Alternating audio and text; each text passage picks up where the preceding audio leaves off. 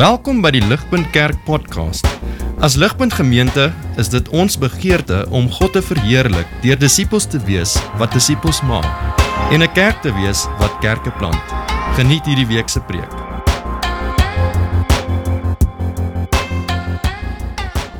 Vriende, tot en met so tot en met so 2 weke gelede was die land in die wêreld wat die heel beste gedoen het met hierdie hele COVID pandemie tot en met nou was die land Taiwan geweest. Ek weet nie wie van julle dit so klein bietjie gevolg in die eh, in die in die koerante of op die internet nie. Dit is eintlik verstommend want Taiwan is net langs China. Dis hierdie eiland van 20 oor die 20 miljoen mense wat dig bevolk is.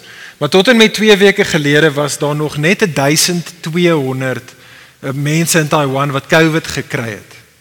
Daar was net 11 mense gewees wat gesterf het van COVID. Dis absolute verstommende statistiek gewees. En toe 2 weke gelede het alles verander. 2 weke gelede het het hierdie hierdie spike by hulle gekom en het hulle gegaan van 1200 gevalle na 12500 gevalle in die laaste 2 weke en die 11 sterftes is nou op na na na 400 sterftes toe. Dit beteken dat hulle is op van en dit is soos 'n verstommend om te dink in 'n land soos Taiwan was hulle vir die laaste jaar omtrent 'n gemiddeld van 2 mense per dag wat COVID gekry het en nou is hulle op na 400 of ekskuus tog 700 per dag toe op die oomblik. In 'n in 'n onderhoud hierdie week het die minister van gesondheid in Taiwan ehm um, die rede gegee wat hulle glo is die groot rede vir hierdie massiewe toename in COVID gevalle uh, in Taiwan en die minister van gesondheid het gesê dit het alles te doen met wat hy noem caution fatigue. Nou wat caution fatigue is vriende is dit is caution fatigue is dit wat gebeur as 'n mens vir 'n baie lang tyd moet waaksaam wees teen 'n gevaar. En waar jy ehm um, vir so lank in die midde van 'n gevaar is dat dit begin so bietjie te normaliseer. En en jy raak so klein bietjie moeg vir al moeds en immunies en so jy begin 'n klein bietjie laks raak. Jy weet die gevaar is nog steeds daar, maar jy raak laks en wat jy wat jy doen is jy begin selfs in jou kop so klein bietjie dink wel Wel ek is alraai tot en met nou, so ek dink ek gaan oukei okay wees. En wel dit is nie net natuurlik in Taiwan nê nee, wat caution fatigue ingeskop het nie. Ek dink ons almal het redelik daai fatigue ook onder ons. Ek bedoel 'n jaar gelede het almal van ons as jy van 'n winkelsentrum af gekom het, dan elke liewe ding gesanitize en jy het jou masker opgehad by die werk, nou nie meer nie. Rede want ons het caution fatigue. En ek begin hier vriende want ek dink dieselfde Caution fatigue dinamika speel ook uit wanneer dit kom by ons as Christene se stryd teen sonde. Spesifiek ons stryd teen seksuele sonde. Julle sien seksuele immoraliteit, vriende, volgens die Bybel is uh, seksuele immoraliteit is werklik die grootste geestelike uh, pandemie van ons tyd. Hierdie is wat die Bybel sê seksuele immoraliteit is. Dit is enige gedrag van 'n seksuele aard wat buite die konteks van 'n huwelik tussen een man en een vrou geskied. Dit is volgens die Bybel seksuele immoraliteit en as dit die geval is, vriende, lewe ons in 'n wêreld vandag waar seksuele immoraliteit nie net aanvaarbaar is nie, maar dit word daadwerklik aangespoor. Dis die wêreld waarin ek en jy lewe. En hierdie pandemie is oral om ons. Die rolprente wat ons kyk is vol van seksuele immoraliteit. Die liedjies wat ons na luister en wat ons kinders na luister is vol van seksuele immoraliteit. Die boeke en die tydskrifte wat ons lees is vol van seksuele immoraliteit. Die grappies wat ons kinders selfs van 'n laerskool ouderdom vir mekaar vertel en op hoërskool is vol van seksuele immoraliteit. Die bemarking van elke produk al buite wat ek en jy koop kom met seksuele immoraliteit. En so so kan ons so kan ons aangaan vriende die die die dating kultuur selfs op ons skole en op universiteite is vol van dit. Uh, ons lewe in 'n wêreld vandag waar om saam te bly voor jy getroud is, is word nou genormaliseer. Dit is 'n fyn ding om te doen, selfs vir Christene om saam te slaap is is is heeltemal fyn in ons samelewing. Flirting en al die seksuele innuendo is ryp in ons werksplekke waar ek jy werk. Die toename van egbreek in ons wêreld selfs onder Christene is skyrocket in die wêreld waarin ek en jy woon. Dan is daar die miljard rand pornografie industrie. En dan byvoorbeeld selfs in hierdie maand is 'n voorbeeld daarvan, dan selfs lewe in ons 'n wêreld waar die LGBTQ agenda geïnstitutionaliseer is in die wêreld waarin ek en jy vandag woon. Die uiteinde van dit vriende, hoor asseblief mooi, is dat ons as Christene is 'n mense wat caution fatigue het wanneer dit kom by die gevare daar buite met betrekking tot seksuele immoraliteit. Ons weet dit is daar. Ons weet dalk selfs in ons koppe sekere dinge is gevaarlik en sekere dinge moet vermy word, maar die realiteit is ons is so klein bietjie oor al die moets en die moenies. Ons raak so klein bietjie laks, ons raak so klein bietjie blasé en ons is uitgeput in hierdie stryd teen seksuele sonde. En so dit is waaroor ons vandag wil saamgesels. Die vraag vir jou en vir my is wat sal ons as gelowiges kry om nie caution fatigue te kry nie? Soos wat ons lewe in 'n wêreld met hierdie geestelike pandemie nie, maar wat sal vir jou en vir my 'n mense maak wat sal attent wees en inderdaad sal vlug van seksuele immoraliteit? Dit is vriende waaroor 1 Korintiërs 6 gaan wat ons vandag na saam kyk. En so so net 'n klein bietjie konteks vir ons uh, maak nou klaar met hierdie reeks. Maar wat ons gesien het nê, nee, as jy saam met ons was in die laaste 6 hoofstukke is dat die kerk in Korinte was eintlik verskriklik baie gewees soos die westerse samelewing waarin ek en jy onsself vandag in bevind. Ons het dit 'n paar keer genoem in die reeks, as alhoewel hierdie 'n kerk in Korinte was, was daar nog baie van Korinte binne in die kerk gewees. En so hoofstuk 1 tot 4 het ons gesien dat hierdie kerk was heeltemal wêrelds gewees. En hierdie kerk het geoperate uh, op grond van die celebrity culture van die dag en so dit het uitgespeel in die kerk en so die kerk het faksies gehad van wie hulle favourite geestelike leiers is wie hulle gaan volg. En toe in hoofstuk 5 het ons gesien dat hierdie kerk weer eens in hulle wêreldse uh, wêreldbeeld wat hulle gedoen het is dat hulle was verskriklik tolerant geweest. So tolerant geweest dat hulle het nie mekaar as Christene aangespreek oor onbekeerde sonde nie in hulle midde nie. Toe laasweek in hoofstuk 6 vers 1 tot 11 het ons gesien dat weer eens in hulle wêreldse mentaliteit het hierdie Christene in Korinte het hulle heeltyd vanaf 'n plek van selfregverdiging geopereer. Hulle was 'n mense wat heeltyd kwaad met kwaad ver, vergeld het en so hulle het mekaar na die howe toe gesleep en so die naam van Jesus oneer aangedoen. En in vandag se gedeelte vriende in vers 12 tot 20 van hoofstuk 6 sien ons verdere wêreldse optrede wat Paulus aanspreek oor die kerk in Korinte. En dit is dat hulle is Christene, hulle is Christene wat laks geraak het wanneer dit kom by seksuele immoraliteit. En dit is wat hy hierso aanspreek. Kyk saam met my daar, hou julle Bybels of julle blaadjies byderhand. sien raak saam met my daar, hierdie is waar ons gedeelte gaan. Vers 13 verwys Paulus na seksuele immoraliteit, vers 18 verwys hy weer daarna. Die in hulle spesifieke konteks is die spesifieke saak wat hy aanspreek, wat 'n aspek van dit is, is die prostitusie wat onder Christene duidelik of beoefen word en deur ander net gesien word as 'n redelike nie so 'n bad ding om te gebeur vir hulle as Christene nie, maar sien die groot opdrag daarso in vers 18. Die groot opdrag van die gedeelte is dit: flee from sexual immorality. Met ander woorde sê Paulus Christen moenie net waaksaam wees teen seksuele immoraliteit nie. Hardloop so vinnig en so ver moontlik weg as wat jy kan. Daai moet jou postuur wees. As daar hierdie As daar hierdie gevaar is van seksuele immoraliteit, Christen, flee from it. Hardloop so vinnig en so ver as wat jy kan daarvan weg. Nou hier is hoe die gedeelte aan mekaar sit en wat ons nou gaan sien. In hierdie gedeelte vriende wat Paulus hierso doen is hy wil ons motiveer om te vlug van seksuele immoraliteit. Hy gee vir ons in hierdie gedeelte 5 redes. 5 redes hoekom ons behoort te vlug as gelowiges van seksuele immoraliteit en die manier wat in ons gedeelte gaan opbreek gaan ons sien is dat in vers 12 tot 14 wat Paulus daarso doen is hy hy hy hy verwys na sekere waarhede wat die Korintiërs verkeerd het. En dan gaan hy in vers 5 15 tot 20 verwys na sekere waarhede wat die Korintiërs vergeet het en dit is daai 5 dinge wat hy gaan noem wat die redes is hoekom nie net hulle nie maar ons ook behoort te vlug van seksuele immoraliteit. So kom ons kyk saam uh, na dit.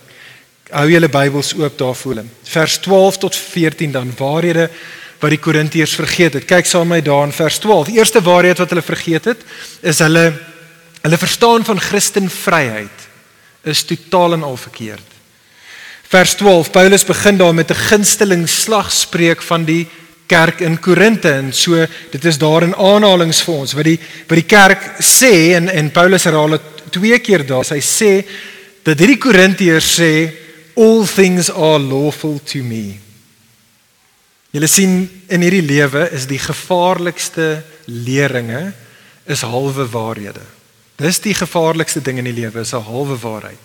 Want natuurlik is daar 'n mate waarin daai stelling van hierdie kerk, hierdie Christene waar is. All things are lawful to me. Jesus kom in in Johannes 8 vers 36 en Jesus kom en hy en hy sê if the son sets you free then you are free indeed. Wil die hele boek van Romeine gaan hier oor. Die hele boek van Galasiërs gaan hier oor dat ons as Christene deur ons geloof in Jesus, is ons nie meer 'n mense wat nou onder die wet is nie. Jesus het gekom en hy het die wet vervul en hy het die straf vir ons wetteloosheid gevat en so in daai sin is ek en jy nie meer onder die wet nie. Ons is vry van die wet. Dit is waar. Maar dit is nie al wat die Bybel sê nie. Judas, einde van die Nuwe Testament, klein kort brief, Judas 1 vers 4 sê die skrywer Judas vir ons dat ons moet nie die genade van God gebruik as 'n lisensie vir immoraliteit nie. En dit is wat die Korintiërs besig was om te doen. Hulle was ouens wat gesê het, hoorie ons is genuine, ons is baie gospel centered. Jy weet ons is groot op genade. Prys die Here. Jesus het gesterf vir ons sondes. En en in ons is sondig, ons kan nooit goed genoeg wees vir God nie. Dis alles net die genade van Jesus en dit is waar. Maar wat hulle vir mekaar begin sê het en hoe hulle funksioneel geoperate het, is hulle het gesê wel omdat Jesus dan die wet vervul het en omdat hy vir ons sonde reeds gesterf het, beteken dit dat man ons hoef nie so ernstig te wees oor hierdie knaande vereistes en die moets en moenies met betrekking tot seks en seksualiteit nie. Nee, ons is vry. Seksuele immoraliteit is nie so bad nie, man. Moenie so wetties wees en heeltyd karring oor wat ons moet en wat ons mag doen nie. Waarop Paulus in vers 12 hier antwoord, kyk saam met my daar, hy sê ja, in een mate is jy reg. Daar is in een konteks is dit dat ons is nie onder die wet nie. Met ander woorde, ons is vry van die straf wat ons wetteloosheid verdien. Ons is vry van dit. Maar maar moenie moenie Christen sê Paulus, moenie dink dat dit beteken dat alles wat jy doen is net goed en reg en behulpsaam nie. Moenie dink einde vers 12 daarso dat jy kan nou net gaan en en dat dit goed en aanneemlik vir jou is om jouself weer 'n slaaf te maak nie. Sodat iets anderste jou gedrag jou nou gaan beheer en gaan oorheers en gaan domineer nie. Dink dink saam met my vriende aan alkohol. Tot en met die ouderdom van van 18 mag jy volgens die wet ten minste nie nie alkohol drink nie, maar die dag wanneer jy 18 word, dan is jy vry van daardie wet. Jy staan nie meer onder daardie wet van alkohol wat jy nie mag drink nie. Maar natuurlik is daar die gevaar dat alkohol kan op so 'n manier gebruik word dat dit nie goed is vir jou nie. Dit is nie goed vir ander mense om jou nie. Natuurlik wat kan gebruik is alkohol kan jou 'n slaaf maak. Jy kan verslaaf word aan dit en so kan dit ontsaglike skade berokken aan jou en aan ander en dit is in effek Paulus se punt. Hy sê dat die genade wat ons as gelowiges in Jesus geniet, ja, maak ons vry van die wet se veroordeling. Maar vriende, ons is nie vry van soos wat die Nuwe Testament oor en oor sê, ons is nooit vry van die wet van liefde nie. Jy's nooit vry van die wet van liefde nie. En so die vraag is, is hierdie optrede goed en liefdevol en goed vir jou en vir ander? En ek weet nie van julle nie, maar ek dink hierdie is 'n waarheid. Hierdie eerste waarheid is iets wat ons nie genoegsaam oor gesels baie keer as Christene nie. So baie keer as ons self dink, nê, ons praat nou oor seksuele immoraliteit en wat is die jy weet wat is daardie dinge wat ek mag doen of nie mag doen nie waar ek die punt van sonde gaan oortree uh, jy weet wat ek oor die lyn gaan trap nê en so baie keer dan praat ons ons dink self vir onsself of ons gesels met iemand anderste en en en die antwoord sal baie kere kom maar maar hoor jy wys vir my 'n versie in die Bybel wat sê ek mag nie hierdie rolprent kyk nie Wys vir my die vers in die Bybel wat sê weet ons kan nie saam bly of ons kan nie saam slaap nie. En dit is so, dit is altyd 'n goeie beginplek om te sê wat sê die Bybel? Is daar 'n spesifiek moet of moenie in die Bybel vir ons nie? Daar's 'n daar's 'n tweede ding en dit is is daar Bybelse beginsels wat met optrede uh, nie strook nie. Maar dan is daar 'n verdere derde ding wat Paulus hieraan raak, vriende. En dit is die vraag is is jy besig om die wet van liefde te oortree? Is my optrede of dit nou op my eie is of dit is met iemand anderste, is dit werklik goed vir my? Is dit liefdevol? Is dit werklik goed vir die ander persoon? Is dit is dit goed vir die is dit goed vir my kinders? Is dit goed vir my vrou? Is dit goed vir my familie? Is dit is dit goed vir my kerk? Is dit goed vir die samelewing? Weereens vriende, hier is dit nie is dit goed volgens my definisie van goed, nê? Want want dit is wat ons baie keer doen. Hoorie maar hierdie is wat ek wil hê hierdie is goed vir my. Vraag is is dit goed volgens God se definisie van wat goed is? Soos in God se geopenbaarde wil, waar hy vir ons sê wat goed en reg en aanneemlik is. Strook my optrede met die manier wat God hierdie wêreld geskep het en die wêreld wat hy my geskep het. Val dit in by sy creation design.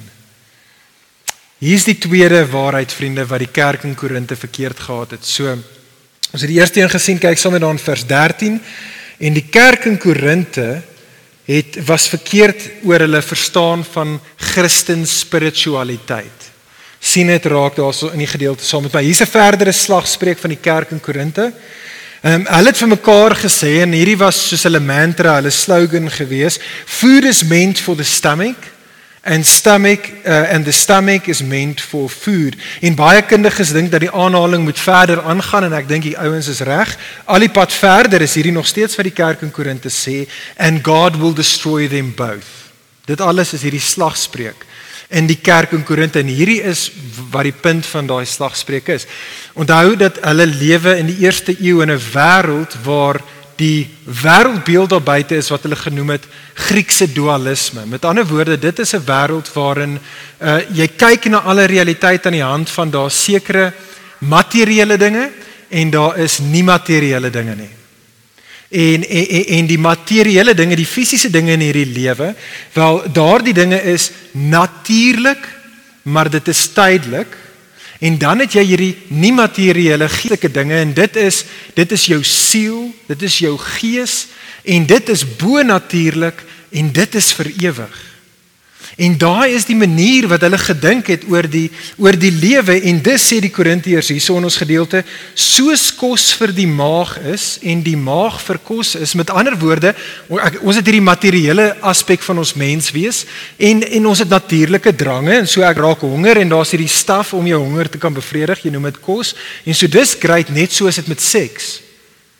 Ek het hierdie natuurlike seksuele drange dis waar En seks is daar om daardie begeertes te bevredig. Dit is wat hulle wat hulle wêreldbeeld vir hulle gesê het en wat hulle sê en so seksuele moraliteit is nie eintlik so erg nie. Want op die einde van die dag gaan dit alles anyway net gedestrooi word deur God. Dit dit is alles net tydelike menslike goeders. Hoorie wat regtig saak maak is jou siel wat vir alle ewigheid. Dit is jou verhouding met die Here wat saak maak. So so so worry jy net oor hoe gaan dit hier in jou hart en jou kop jy en die Here. Wat jy met jou liggaam aanvang, dit is nie eintlik so belangrik nie. Paulus sê vers 13: Nee. Nee sê Paulus, the body is not meant for sexual immorality, but for the Lord and the Lord for the body. Met ander woorde, my liggaam bestaan nie vir seks nie. My liggaam sê Paulus bestaan vir Jesus. My liggaam behoort aan Jesus. En Jesus is besorgd oor my liggaam. Soveel so vers 14 sê hy dat God het ons liggame net soos Jesus uit die dood uit opgewek. Vriende dat dat die opstanding nie net van Jesus nie, maar jou en my toekomstige opstanding is God wat aan ons uitbasyn en dit sê, hoorie ek gee om oor jou liggaam. Jou liggaam is vir my super belangrik. Jou liggaam behoort aan my en dit is hoekom ek jou liggaam eendag uit die dood uit gaan laat opwek. Julle sien vriende, ons wanneer ons baie kere evangeliseer, dan sal ons vir mense sê, hoor hierso, die Here soek jou hart. Of baie kere as ons mekaar disipel, dan sal ons dan sal ons vir mekaar ook vra die vraag vra en sê hoorie is is jou hart op die regte plek? Nou dit is goed en dit is reg en dit is Bybels. Ons praat natuurlik nie van jou fisiese hart nie. Ons praat daar eintlik van jou van jou ehm um, verhouding met die Here. Maar vriende wat Paulus hier in hierdie gedeelte vir ons sê is dat eintlik wanneer ons besig is met evangelisasie is die roep is nie net dat die Here soek jou hart nie, hy soek ook jou liggaam. En wanneer dit kom by disippelskap, is die vraag vir elkeen van ons is is jou liggaam, nie net jou hart nie, maar is jou liggaam op die regte plek?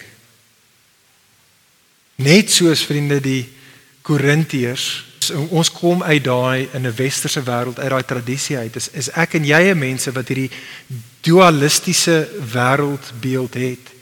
Ons is 'n mense wat ons lewens kompartmentaliseer en ons het 'n fisiese wêreld en ons het 'n geestelike wêreld. Hoe gaan dit met jou geestelik? sal ons sê asof daar is hierdie geestelike ding ek en die Here en hoe my hart voel oor hom en dan is hierdie ander ding my lewe maar vriende wat hierdie gedeelte ons aan herinner is dat ware spirituality ware geestelikheid is 'n liggaamlike lewe wanneer die Nuwe Testament praat van van dat uh, ons moet geestelik wees, dan sê dit nie jy moet nie fisies, nie materieel wees nie. Dit praat nie van 'n materieel nie materiële kategorie nie. Dit sê jy moet vervul met die Gees wees.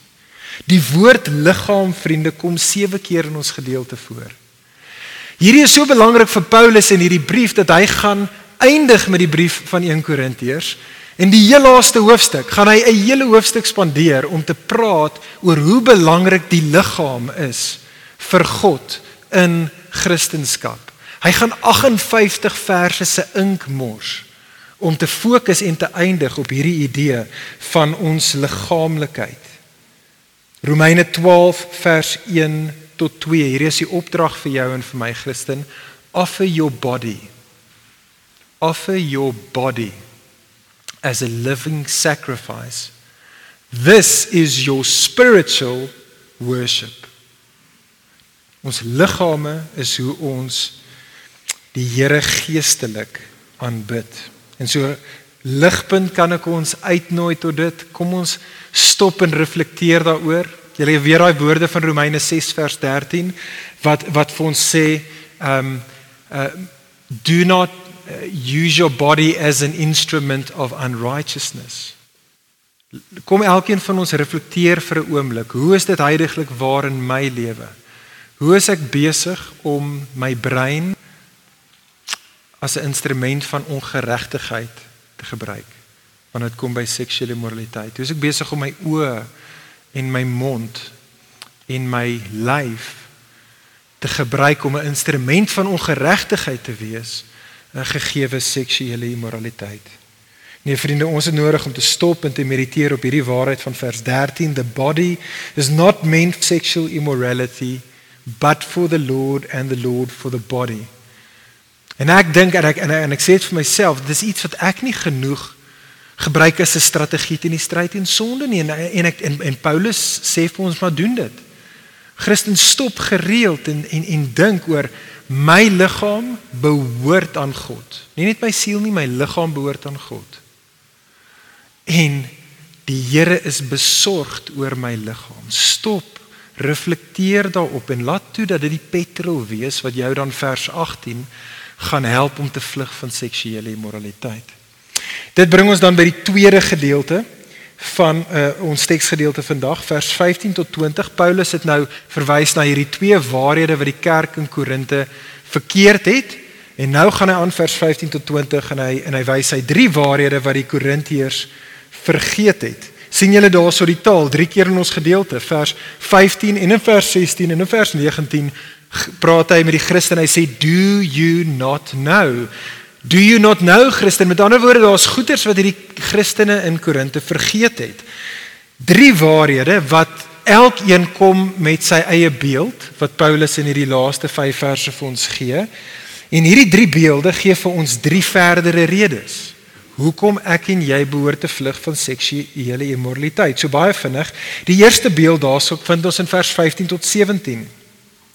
Verse 15 tot 17 gebruik hy hierdie beeld van ledemate. Die Engels praat van members, so liggaamsdele en die klem wat Paulus hierso lê op ons is hy sê uh, deur hierdie prentjie te gebruik van ledemate is Paulus herinner ons as Christene aan ons verbintenis ons verbintenis met Jesus.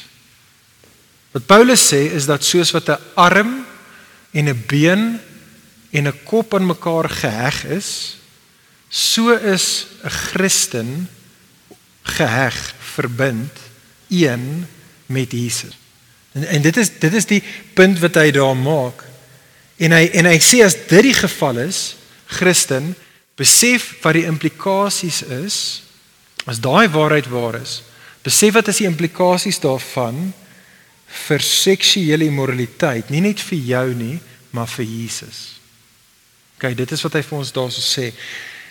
Hy hy hy gee daar 'n vraag in vers 10 wat ek in 'n ander taal wil sit sodat ons reg want ek dink ons lees vers 15 maar ons dit tref ons nie op die manier wat Paulus dit bedoel nie. En ek wil dit op 'n ander manier stel wat ek huiwer om te sê want dit is dit voel godslasterlik om dit te sê, maar ek dink dit is wat Paulus se vraag is in vers 15. Die vraag wat hy daar vra is en effektief dat hy vra vir ons Christen kan jy vir Jesus in die bed saam met 'n prostituut sien? Nou, nou soos ek dit sê, alles in my skree uit, dit is blasphemy om dit net waag om dit te dink. Maar vriende, ek dink dit is wat hy hierso sê. Hy sê vers 15 never. Never. sien jy vers 16 tot 17 wat is die logika van wat hy daarso sê? Hy sê die gelowige wat seksueel intiem is met die prostituut is verbind aan haar. Hy's een met haar. Maar die gelowige by wyse van sy geloof in Jesus is iemand wat verbind is aan Jesus. Hy's iemand wat een is met Jesus. En en soos 'n goeie wiskundige wet, uh as x gelyk is aan y en y is gelyk aan z, wel dan is uh, dan is x gelyk aan z. Paulus sê as 'n gelowige een is met Jesus, maar hy's een met 'n prostituut, wat sê jy dan, Christen? Wat sê jy dan van Jesus? Dit, is Paulus se punt hier. Dit is not a feel good punt, maar dit is 'n punt wat hy vir ons gee om ons te sê daarom Christen vlug van seksuele immoraliteit. Moenie moenie daarmee flirt nie. Moenie kyk hoe naby aan die lyn kan jy kom voordat jy oor die oor die oor die tou getrap het nie. Hardloop weg daarvan af. Nie net vir jou nie, maar vir Jesus onthaalwe. Tweede beeld daarso vers 19 gebruik hy die die die beeld van 'n tempel. Die tempel was natuurlik in die Ou Testament die plek waar God gewoon het saam met in die midde van sy van sy mense. Uh, die tempel was die plek waar God se glorie aanskou kon word. Die tempel was die plek waar God geniet kon word waar God se aanbidding gevier kon word. En vir daardie rede reg deur die Ou Testament was die tempel 'n plek wat geheilig moes wees. Dit was 'n plek wat moes gereinig wees. Dit moes geskik wees en gepas wees sodat die heilige God in die tempel kon woon. En dieselfde beginsel sê Paulus geld ook vir die Christen. Die die verstommende aankondiging van die Nuwe Testament, vriende, is dat God nou 'n nuwe tempel het. Vir meer inligting oor Ligpunt Kerk, besoek gerus ons webwerf op www.ligpunt.com of kontak ons gerus by info@ligpunt.com